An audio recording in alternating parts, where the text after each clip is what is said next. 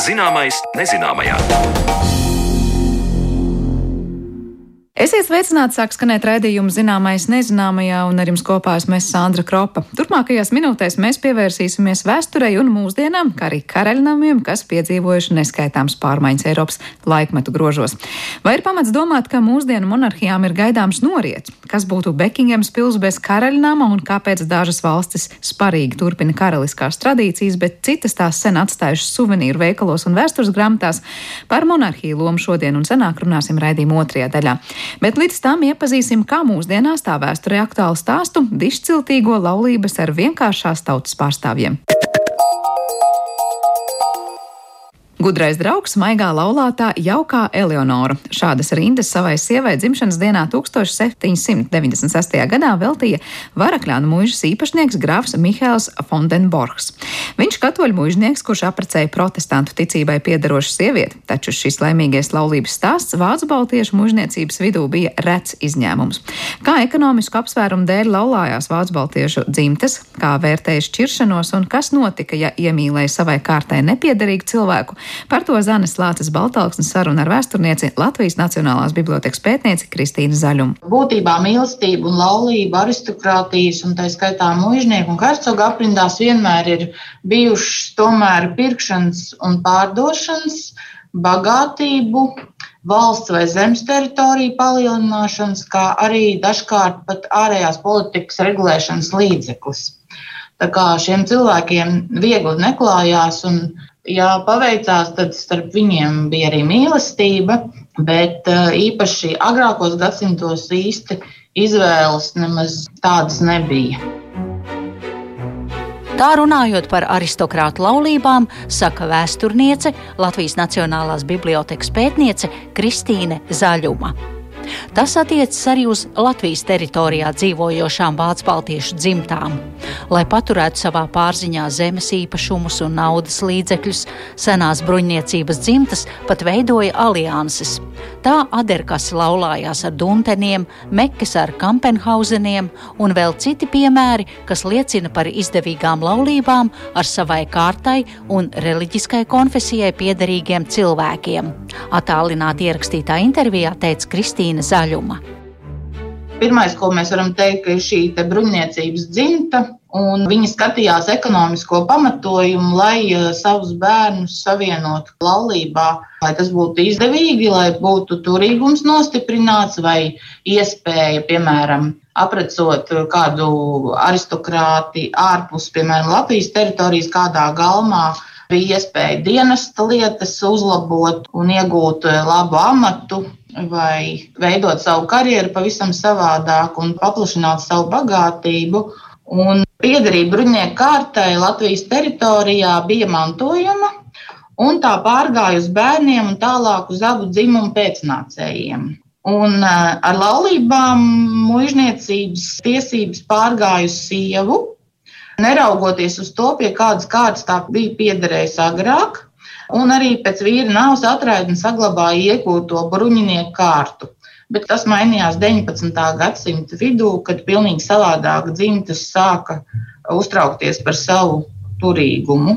Ļoti spilgti šo te kā sieviete saglabā titulu vai iegūst titulu. Mēs varam redzēt 19. gadsimta zaļās mūžas grāfienes Aleksandrs un Mēdems piemērā, Viņa dzimusi ir Firstiene von Līvena, tad viņa apprecās ar baronu Šepingu, kļūstot par baronieti. Pēc barona nāves viņa apprecās ar vecpuisi grāfu von Mēdem no Elējas mūžas un kļūst par grāfieni. Un, mēs redzam vienkārši viena cilvēka dzīves laikā, kā viņš titulus mainot laulības laikā, iegūst divas identitātes. No baronietes kļūst par grāfieni. Nereti aprēķina laulības bija paputējušo mužnieku vienīgā izdevība. Atkal tikt uz zaļa zara, kad bruņniecības dzimtas pārstāvim bija tikai skaistas meitas, ko piedāvāt, jo īpašumu nevarēja pārdot, to varēja tikai mantot, un ja tas bija iznīcis, tad tās vai citas muižas īpašnieks bija laimīgs, kad viņa meitu noskatīja kāds turīgāks mužnieks. Un īpaši nelaimīgi, man liekas, bija tie nabaga mužnieki, kuriem bija tie daudzie bērni, jo Ja par vecāko dēlu, piemēram, viss ir skaidrs, ko viņš manto, tad par pārējiem, ko ar viņiem darīt, kur viņus sūtīt un ar ko precināt. Tā bija vesela, man liekas, skola, ko izdarīt ar to, lai tas bērns paliek pie turības. Vēl, ja viņš ir otrais, trešais vai ceturtais, īpaši vēl meitenes, grāfam von Melīnam bija tikai meitas. Un viņš eh, izprecināja viņus ar diezgan turīgiem vīriešiem un tādām svarīgām dzimtām šo iemeslu dēļ, jo tas eh, bērns ir, saka, kaut kur eh, jāpavada dzīvē, un lai viņš ir nodrošināts ar to pašu, ko viņš ir pieredzējis mājās. Un tās bija šīs laulības, un tā bija ļoti sarežģīta lieta. Reizēm visu izjauca mīlestība, cilvēki, protams, iemīlējās. Jā, tādas lietas arī bija, un viņi saprata, ka viņi neatbilstoši kārtas meiteni viņi nevar precēt, jo Tas nav vienkārši pieņemami.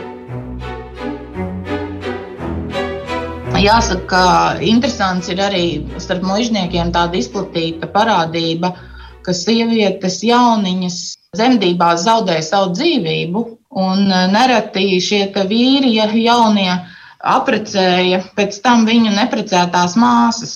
Tātad nākamā pakāpe ir laulībā ir neprecētā māsa, un neko dzimtas vairs nezaudē, jo paliek tas pats zemes īpašums, viss tas pats paliek. Viņi vienkārši apmaina sievu tādā veidā.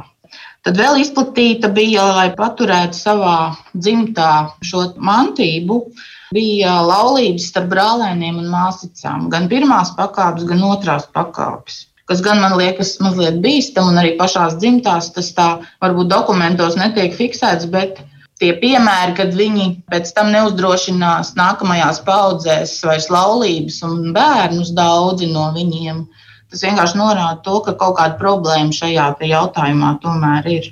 Es varu piemēru minēt, ka Karls von Bērs pops mūžā 864. gadā Dresdenē salauzās ar savu māsiņu, no Laidu mūžas Mariju Fondervengi Lamsdorfu, un viņiem laulībā nav bērnu, un pēc vairākiem gadiem viņi izšķirās.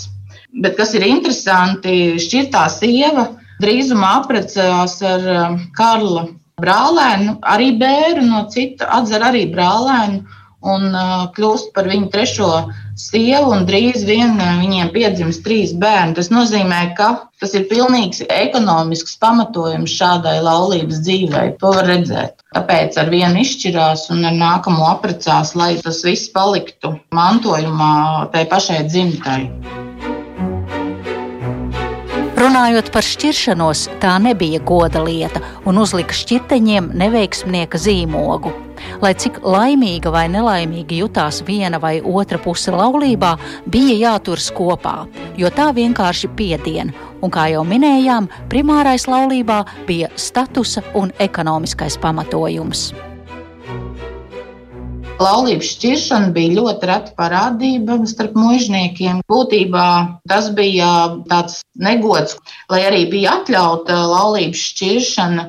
To tomēr uztvēra kā ievērojumu sociālu negodu un uh, uzlika cilvēkiem šiem tādu pieaugušo cilvēku neveiksmes zīmi. Tas arī nemaz nebija pieņemts šķirt. Un mūsu redzamākā šķirtene un ar kaislīgu dzīves stāstu mēs visi Latvijā zinām, tā ir Elīze von Reke, kas vienkārši bez varbūt pat liela iemesla ņēma un no sava vīra atkāpās un šķīra laulību. Tā kā mēs arī šādus piemērus zinām, bet tā ir vienīgais ļoti retais piemērs, un tas īstenībā ir tāds paraugs, kas pārsteidz gan Baltiju, visu, gan Eiropu, jo Elīze bija pirmā, kas uzdrošinājās kaut ko tādu. 1771. gadā grāfs Mēdems izdod savu meitu Elīzu pie divreiz vecāka vīra, Jaunpils mūžas īpašnieka Georga Pētera Fonderrekes. Vīram, kā mēs šodien teiktu, bija smags raksturs, un jauniņā Elīza, nespēdama sadzīvot ar lauleni, no vīra izšķīrās. Nereti vien tie mužnieki, kuri kalpoja Prūsijas vai Krievijas galmā, tur noskatīja sev sievu starp galma dāmām, un tādējādi varēja atvest uz šejieni kādu anglieti, skotieti, francūzieti vai krievieti, kurai bija aristokrātiska izcelsme, bet šeit Latvijas teritorijā jaunā vīra vecākiem nebija ziņu par līgavu spūru. Un tāpēc šādas laulības var uzskatīt par laimīgām vismaz no jaunā vīra puses, kurš mīlestības vadīts sev noskatīja sievu ārzemēs, teica Kristīna Zaļuma, un turpina stāstījumu par kādu laimīgu laulību, kas tika noslēgta pat pārkāpjot konfesionālos aizspriedumus. Un vēl, kā es teicu, ļoti svarīgi ir šie ticības jautājumi, jo arī, ja bija vienas kārtas piederīgie, tad viņi ļoti pretojās, ja tie viena puse bija katoļticīga, bet otra, piemēram, bija protestanti vai pareizticīgie, ļoti, ļoti protestēja pret to. Ļoti interesants stāsts, mīlestības stāsts ir eh, Varakļāna mūžas īpašnieka katoļa Mihala Jana Borha un eh, Vidzemes ģenerālgubernatora Georga Brauna meitas Eleonoras Kristīnas mīlestības stāsts, jo būtībā katoļu mužnieks saprecēja protestanta Georga Brauna meitu. Viņus neietekmēja ticības problēmas. Vismaz izskatās pēc dokumentiem, ka nē.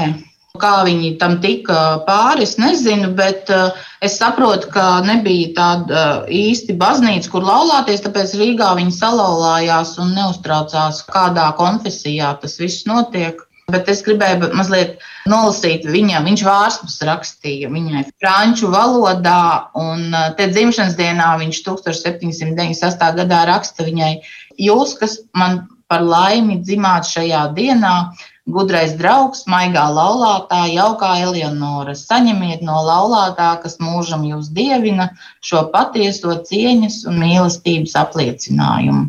Un tā viņš visu to laulības laiku arī savai Eleonorai līdzīgas vārsmas rakstīja. Varam tikai minēt, ka vairums jauno cilvēku bija nospiesti, ka dzimtas izdevīguma dēļ bija jāpredz konkrētais izraudzītais cilvēks, un jūtas pret kādu citu, nedod Dievs savai kārtai neatbilstoši jaunavu vai jaunekli, nācās apspiest aprēķina dēļ.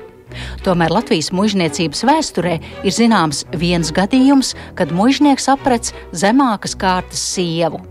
Runa ir par bieriņu mūžas mantinieku baronu Heinrichu Bērensu von Rautenfeldu, kurš iemīlējās Lielvārdas dzelzceļa pārbrauktuves sarga meitā Emīlijā Kuģeniecē, un 1912. gadā viņi aprecas.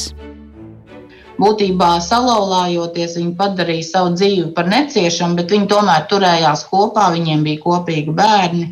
Heinrichs ir dzimis 1882. gadā. Viņš dzima Rautenfeldu dzimtā, kurā jau viņa tēvs bija apņēmis ne savas kārtas sievu, un tā bija guvernante. Bet kaut kā tas bija tā pieklusināti noticis, un tāda liela ekspresivitāte dzimtā kaut kā nebija, jo iespējams Anna guvernante bija vācieta, un iespējams varbūt pat kādas kārtas pārstāvju, bet par to arī nav ziņu. Bet eh, Heinrichs iemīlējās latviešu meitenē, kalponē Emīlijā, un dzimta negribēja pieļaut, ka šajā eh, ģimenē dzimstošie bērni varētu mantot kaut ko no von Rautenfeldu īpašumiem un sāka Rautenfeldi Henrihu vajāt un būtībā viņu vairāk kārtīgi iesprostoja psihiatriskajā klīnikā, no kurienes viņš bēga.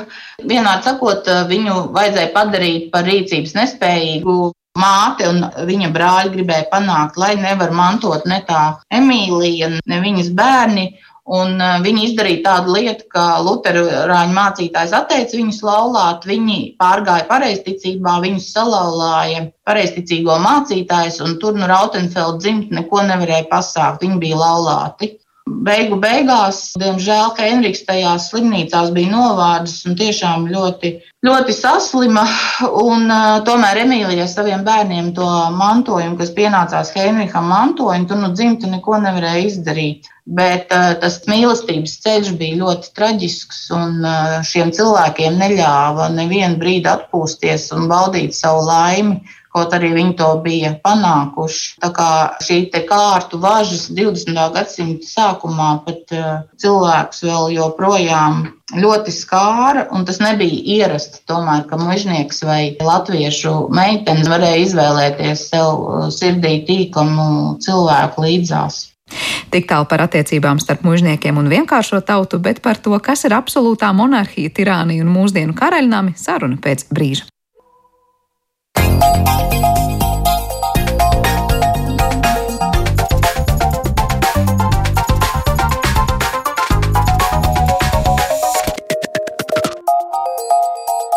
Zināmais nezināmajā. Gadsimtus pēc gadsimtiem monarhijas ir bijušas Eiropas valstu politiskais režīms. Mūsdienās tās palikušas par teju sentimentālu liecību par aizgājušiem laikiem, kuru loma demokrātiskās sabiedrībās sāk arvien mazināties.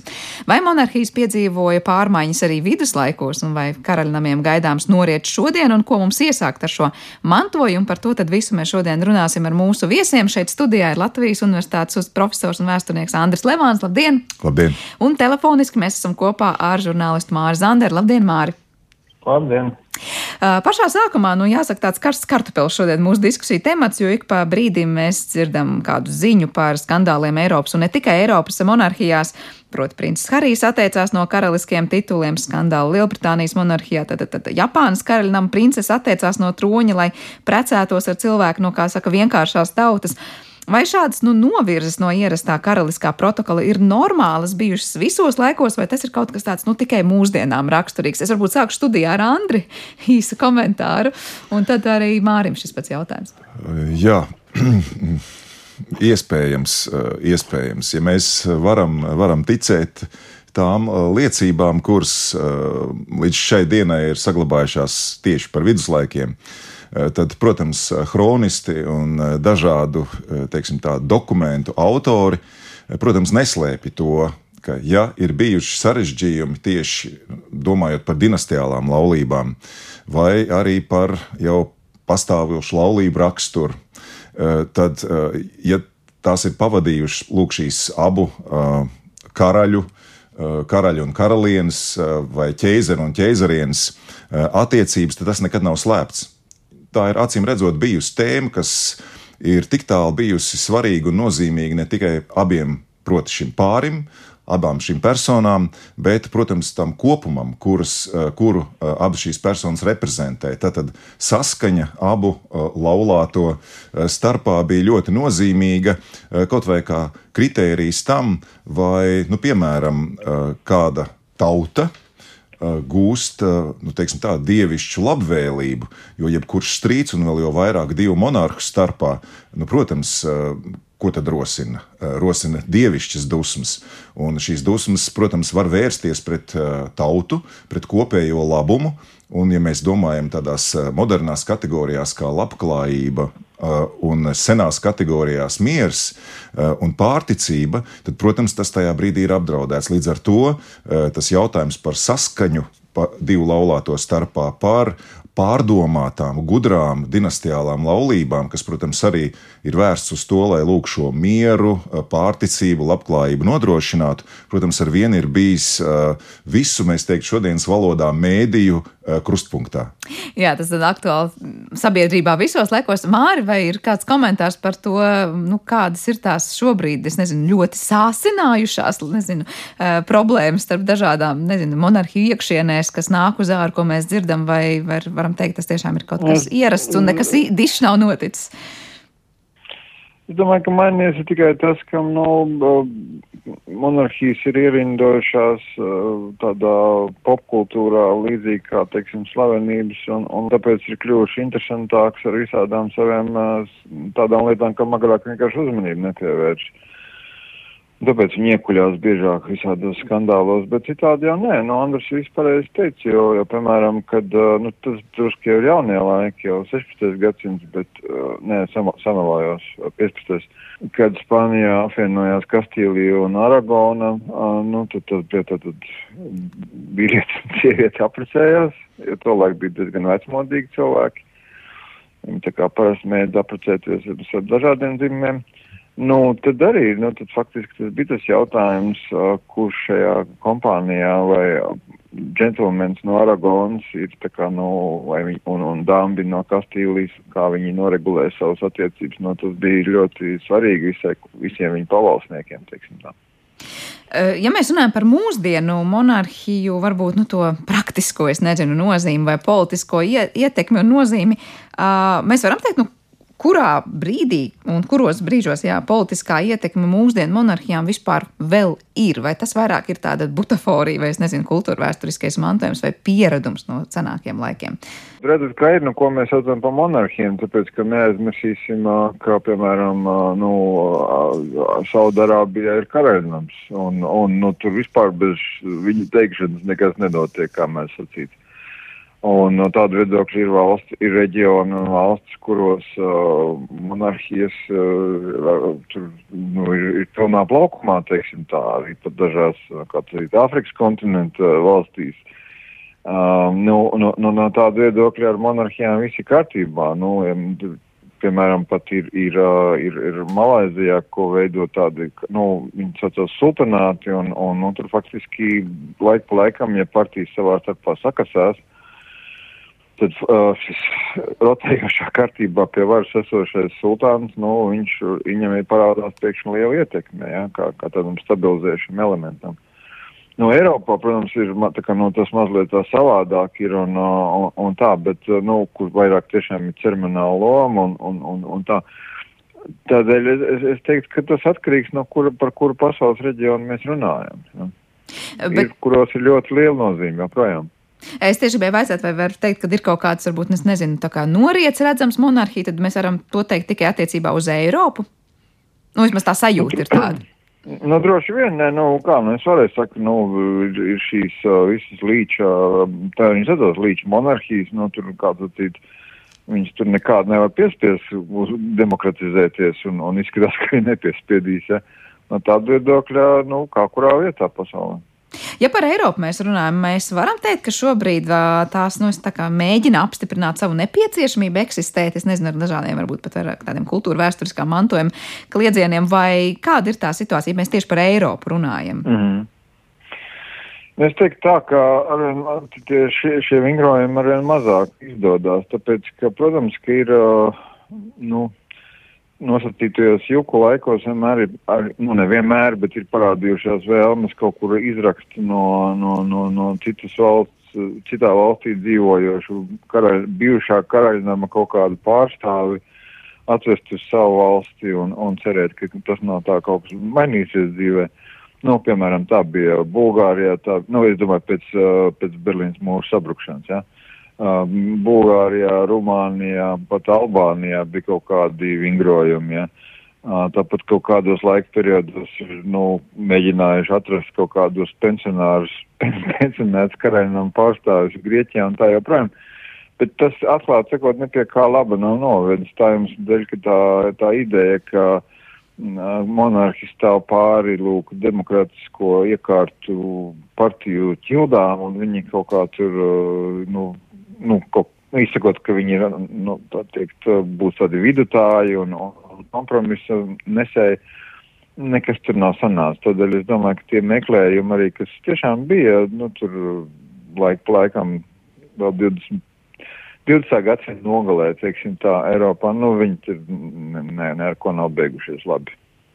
Noslēdzošais jautājums, pirms es studijā vairāk ar Andru arī runāju un dodu vārdu Andrim un komentāru Andrim. Vai mēs varam gaidīt, nu arī par tām Eiropas monarhijām runājot, ka arvien vairāk mēs redzēsim tādu, nu, saplūšanu ar sabiedrību, varbūt tādu demokratizēšanu, es nezinu, kā lai pasaka īstajā vārdā, nu, proti, ka, nu, būs tuvāk tautai viss tas, kas ir karaļnamā un kā viņi maina, nu, nezinu, savus lomas. Nu, tas ir, nu, es, es neatkāpjos no tās savas apzīmēm, ka, ka karaļnami kļūst vienkārši par slavenībām, jā, celebrities, un no šī viedokļa tad tas jautājums, nu, ir celebrities, kas uh, iziet ārā ar savu sunīti pastaigāties ielās un, uh, un, vai, bet, nu, un kaut kā tā, un, un, un nopērk pat varbūt vietējā kaut kādā ieskrietuvē kaut kāda ēdiena un tā. Uh, Vai tas nozīmē, ka viņi tuvāk tautai, nu, man ir grūti pateikt, bet, nu, nu skaidrs, ka varbūt tā, tas ārējais ietērps un nu, ārējā nošķirtība mazināsies. Es domāju, viņa jau ir mazinājusies. Bet, nu, tad saka tas jautājums, cik slavenības ir tuvu tautēm, cik nav, jā. Jā, cik pēc kā mēs, uzspēlēti. Un kā mēs to mēram, un tieši tā, cik tas ir patiesi.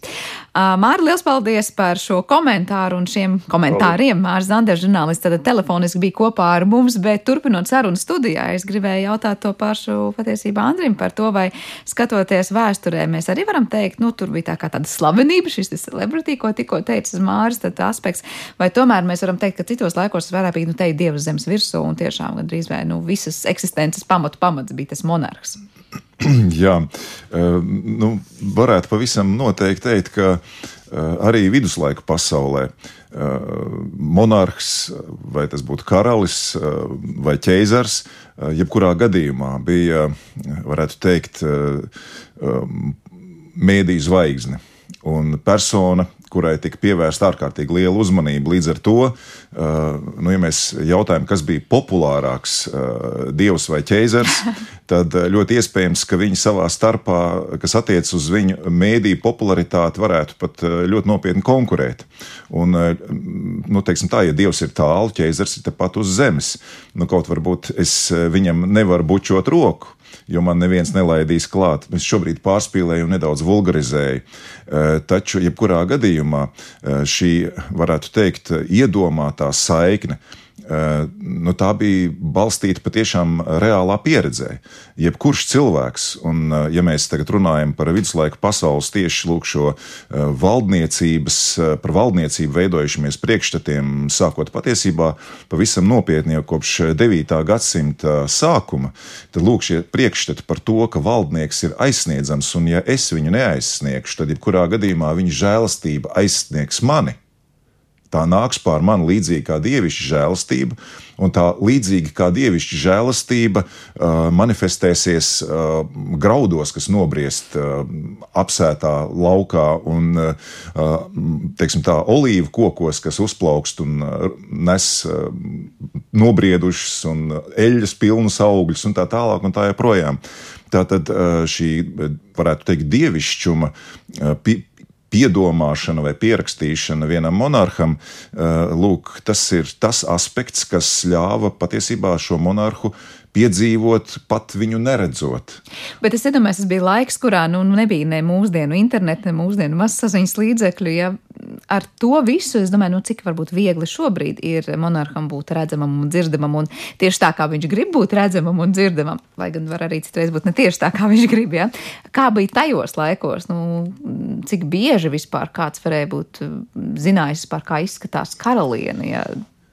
Nu, par karalieni varētu būt, mēs varētu diezgan droši teikt, ka karalieni eh, redzēja ļoti reti. Karaliene nebija domāta, lai viņu publiski rādītu. Es ļoti atvainojos.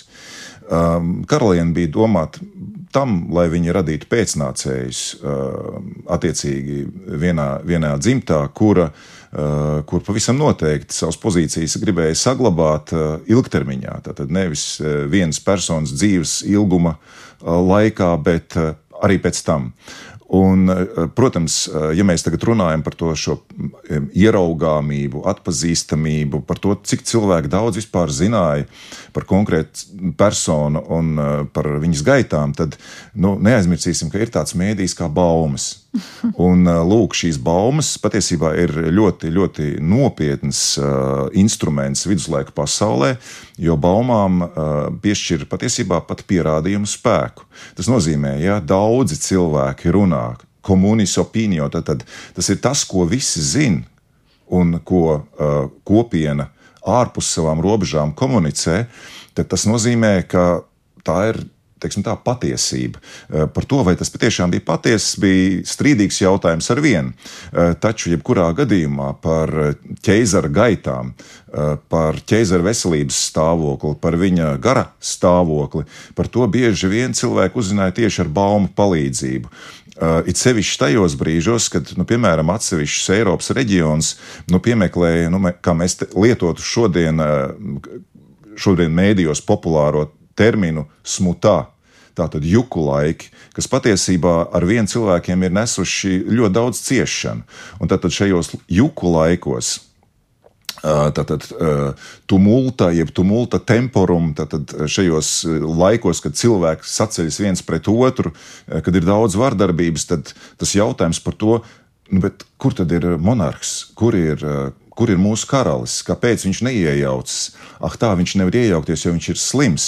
Tātad tajā brīdī, ja veseli, uzzināja par karaļa veselības stāvokli, vēl jau vairāk par ķēzara veselības stāvokli, ka viņš ir slims tajā laikā, kad pār cilvēkiem ir nācis liels posts, eh, ir pazaudēta saticība, tad uzreiz eh, lūk, eh, iedarbojas šis mēdījis, baumas, to mēs ļoti labi redzam arī, piemēram, Livonijas avotu materiālā, kur tirgotāji, starp citu, savā starpā vēstulēs, ko viņi raksta viens otram, protams, primāri jau par darījumiem, kurus eh, viņi veic savā starpā, ka tur ļoti liela vieta ir atvēlēta arī lūk, šiem jaunākajiem notikumiem. Tad, tad ko runā Brigē, ko runā Londonā, ko runā Ķelnē? Ko vai run... iedomāties, ka jā, jā. tam bija likuma spēks te vai, vai patiesības sajūta spēks, jo nu, parasti jo vairāk runā, jo, jo tālāk no patiesības tas, ko plaši runā. Jo runātais rada īstenību. Tātad to, arī, ko mēs vēlamies, atbilstoši mūsu gaidām, patiesībā mēs arī šo īstenību radām, un tad atliek tikai šim monarham, karalim vai ķēzaram attiecīgi reaģēt, eh, izējot no šiem jau radītajiem apstākļiem. Nu, bieži vien. Tad es iedomājos to kluso telefonu efektu, kas notiek, kad viens stāsta otram, un beig beigās pat ķēzars nepazīst tos, to stāstu. Bet es gribēju pavaicāt, ja baumas bija tāds mēdījis, tad cik ļoti nu, paši monārhi piestrādāja pie tā, kādas baumas tiek izplatītas vai par ko tiek runāts, un tādas kā mūsdienu sabiedriskās attiecības. Jā, to mēs eh, par šādu, teiksim tā, eh, stratēģisko komunikāciju, eh, starp citu, no, tieši no eh, valdnieku galmiem, jeb eh, precīzāk būtu teikt, valdnieku kancelējām, mēs pavisam noteikti varam runāt, jo par to liecina ne tikai vēstules, kuras ir saglabājušās, bet arī nu, teiksim, tā, tā saucamie vēstures narratīvi, jeb kronikas, kur, kur lūk, šie nu, tā, informācijas radīšanas procesi tiek aprakstīti. Un, eh, nu, viens piemērs varētu būt eh, no 13. gadsimta pirmās puses, eh, kad ķēzaram Friedriham II no Štauferta dzimtas viņam bija beidzot jāpild savs dotais, svinīgi dotais apsolījums - doties krusta karā, atbrīvot Palestīnu, atbrīvot Jeruzalemi. Un viņš šo savu apsolījumu bija atlicis jau vairāk kārtīgi. Un tad, kad par eh, pāvestu kļuva uh, Gregors IX, uh, tad viņš šai lietai ķērās klātā pavisam izšķirīgi un noteikti. Un viņš ļoti ultimatīvi uzstādīja prasību Friedriham II doties krusta karā un vairs neatlikt. Bija 1228. gads. Un Friedrichs raksta savā vēstulē, zina, nu, mīļais Gregor, patiesībā es esmu ļoti slims. Ļoti iespējams, ka tā arī bija. Proti, viņš iespējams bija ļoti smagi saindējies.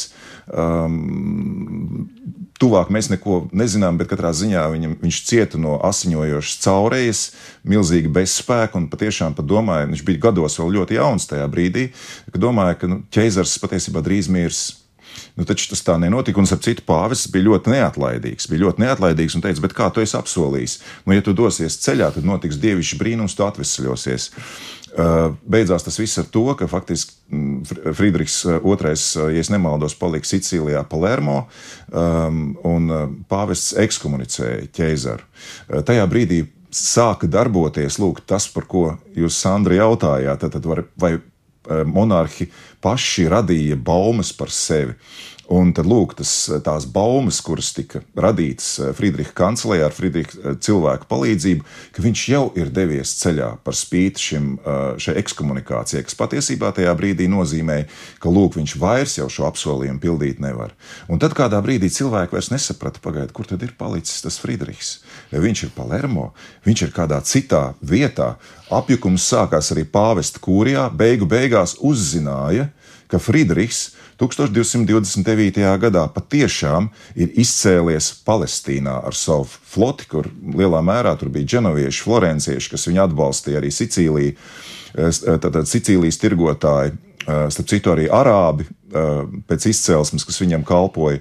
Un tas viss beidzās ar to, ka ar lielu triumfu nenogalinot nevienu pretinieku, nevienu musulmani, Friedrichs, Friedrichs II ieguva Jeruzalemi un kronēja sevi par Jeruzalemes karali. Tad, tad faktiski šis notikums, jeb šis notikuma komplekss starp 1227. un 1228. 9. gadu, šo pavada nepārtraukts paumu viļņi.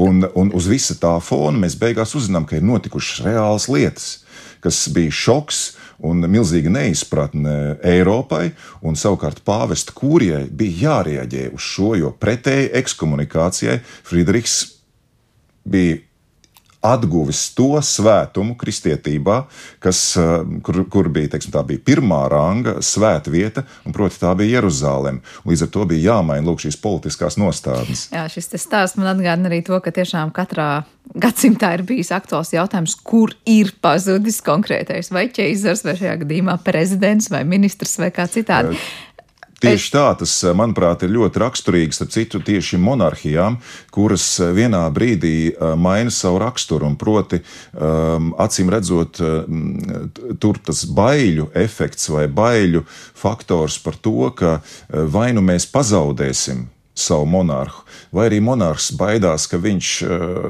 tiks pazaudēts tādā nozīmē, ka viņš kādā brīdī kļūs lieks.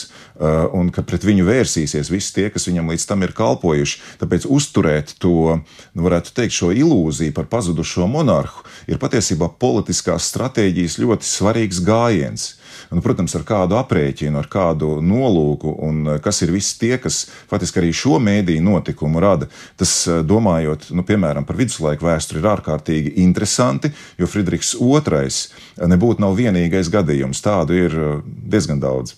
Jā, pirms tam Mārcis mums teica, ka patiesībā arī mūsdienās skatoties uz tām monarhijām, nu kā kurā reģionā skatīsimies, cik dažādas būs tās sajūtas, vai viņi reāli tur, nezinu, pilda vēl kaut kādu varas funkciju, vai tā ir vairāk tā kā tāda butaforija un atmiņa par, par vēstures laikiem. Kā skatoties tādā plašākā vēstures kontekstā, mēs varam teikt, ka arī tajos pašos piesauktos viduslaikos, nu, skatāmies, kā kurā vietā vienā brīdī tā monarhija tiešām nu, ļoti izteikti bija nu, absolūta vara, un tiešām tas monarhs bija pilnīgi viss vienā cilvēkā, un kaut kur tas monarhs patiesībā nu, negluži pildīja tās absolūtā monarha mhm, funkcijas. Mm -hmm. Jā. Mm, uh man, man šķiet, ka šis ir ārkārtīgi eh, komplekss jautājums eh, no tāda viedokļa, ka, eh, protams, ir no vienas puses ir lūk, tas valdnieka ideāls. Valdnieks, kurš ir patiešām, kurš atbilst šiem, varētu teikt, morāli ētiskajiem principiem savā valdīšanā, gan kā persona, kur ir piedzīvojis un pieredzējis lūk, šo dievišķo žēlastību un caur jau titulu apliecina pazemību. Ja, tad Dei, Gracija, Reiks, um, Sicīlijai, piemēram, kā, kā tāda šāda titulatūra bija tam pašam manis pieminētajam Friedriham II. Um, no vienas puses, tātad uh, viņam ir jābūt tādam, kurš ir taisnīgs tiesnesis, kurš ir uh, tātad, kurš spriež taisnu tiesu Viņš ir taisnīgs likumdevējs, viņš um, izdodot uh, likumus, viņš ievēro visus, gan augstos, gan zemos, gan uh, bagātos, gan nabagos, gan uh, teiksim, tā, citādos, un savādos un savējos. Tātad visām personu grupām iepratī visām personu grupām, viņam ir jābūt labvēlīgam. Nu, nevelti, nu, teiksim, tā vēsturē liela nozīme ir ar vienu piešķirt tieši manas pieminētajam Friedriham II, tāpēc, ka viņš eh, savās, eh, savos eh, impērijas likumos, kas ir pazīstama kā Melfija konstitūcijas, vienkārši tāpēc, pēc vietas, kur šis, varētu teikt, likumu kodeks tika publicēts un kur par to vienojās impērijas firsti un, un, un, un teiksim, tā garīdznieku tātad, kolēģija, ka tur ir īpašas likuma normas, paredzētas, jeb iekļautas, kas aizsargā jūdus.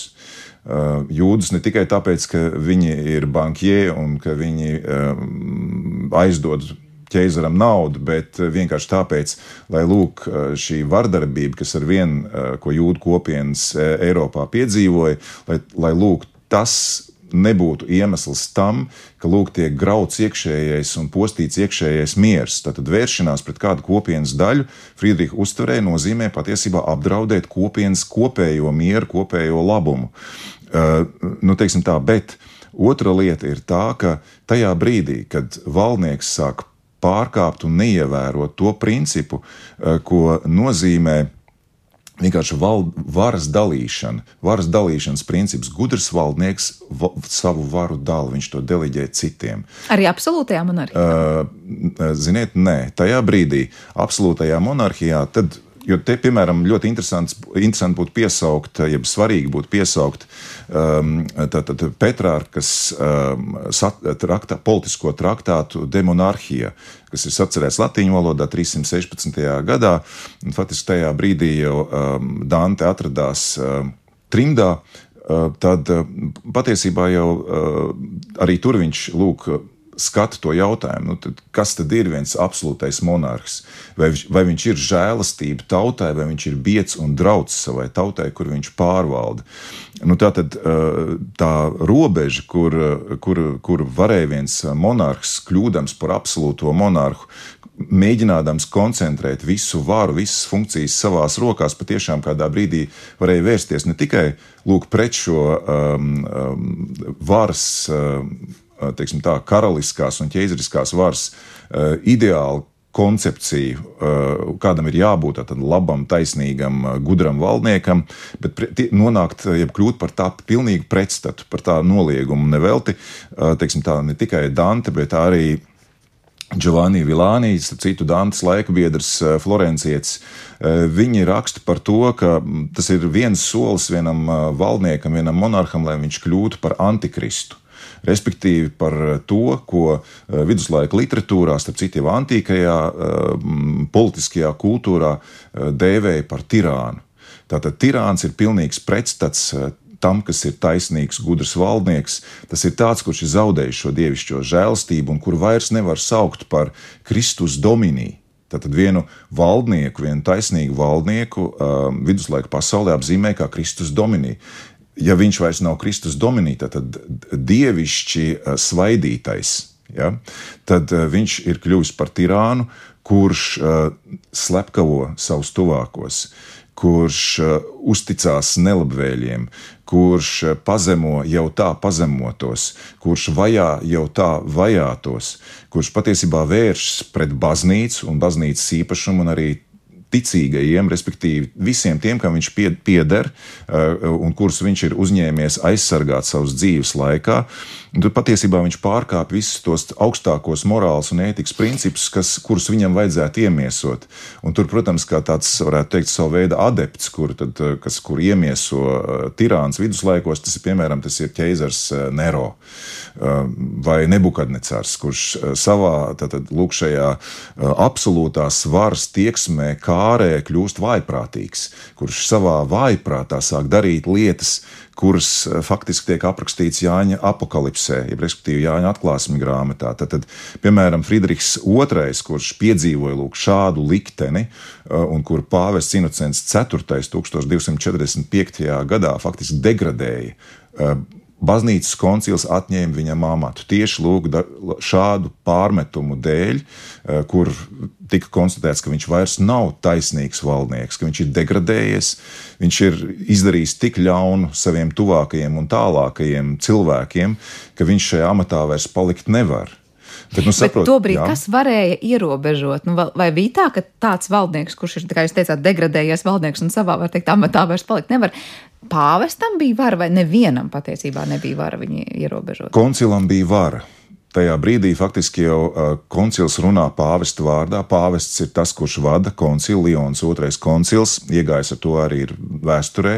Kā, teiksim, tā, kā, ja mēs runājam tieši par politikas teoriju, par politikas kultūru, tas ir viens no precedentiem, iespējams, viens no pirmajiem šādiem labi dokumentētiem precedentiem, kad uh, koncils viena, viena sanāksme, protams, garīga baznīcas sanāksme, uh, atceļ vienu, vienu valdnieku, proti, vienu universālu valdnieku, ķeizaru no sava amata.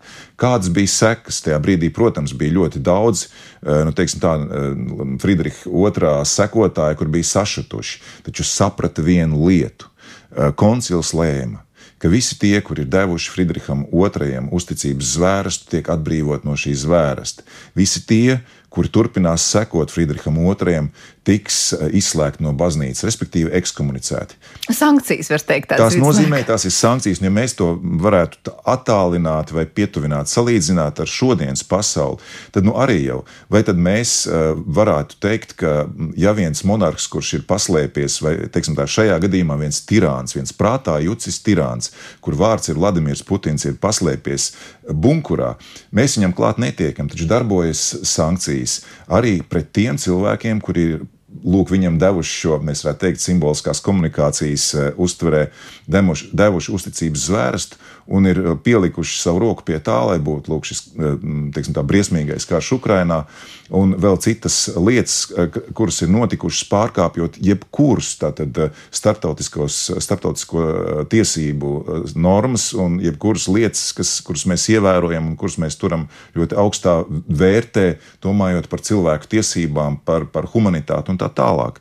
Un tad, lūk, līdzīgi šis mehānisms darbojās, ja respektīvi tas, kā tas tika iedibināts un darbojās viduslaikos. Šie principi, šie universālie principi, universālās atbildības principi, tie patiesībā tiek iedibināti viduslaikos. Mēs šodien redzam, ka tas ir modificēts, um, um modernizēts, bet mēs redzam, ka tas darbojas līdzīgi. Tā tad ir kāda, uh, tā tad ir kāda kolēģija kura drīkst darboties tātad, lūk, šo universālo vērtību vārdā, kurai ir šāda kompetence, kuras kompetence neapšauba, bet, protams, kas viduslaikos, piemēram, notika ar šiem sekotājiem. Ar Friedrihu II bija tā, ka patiešām tie cilvēki, kas viņam sekoja, atkrita.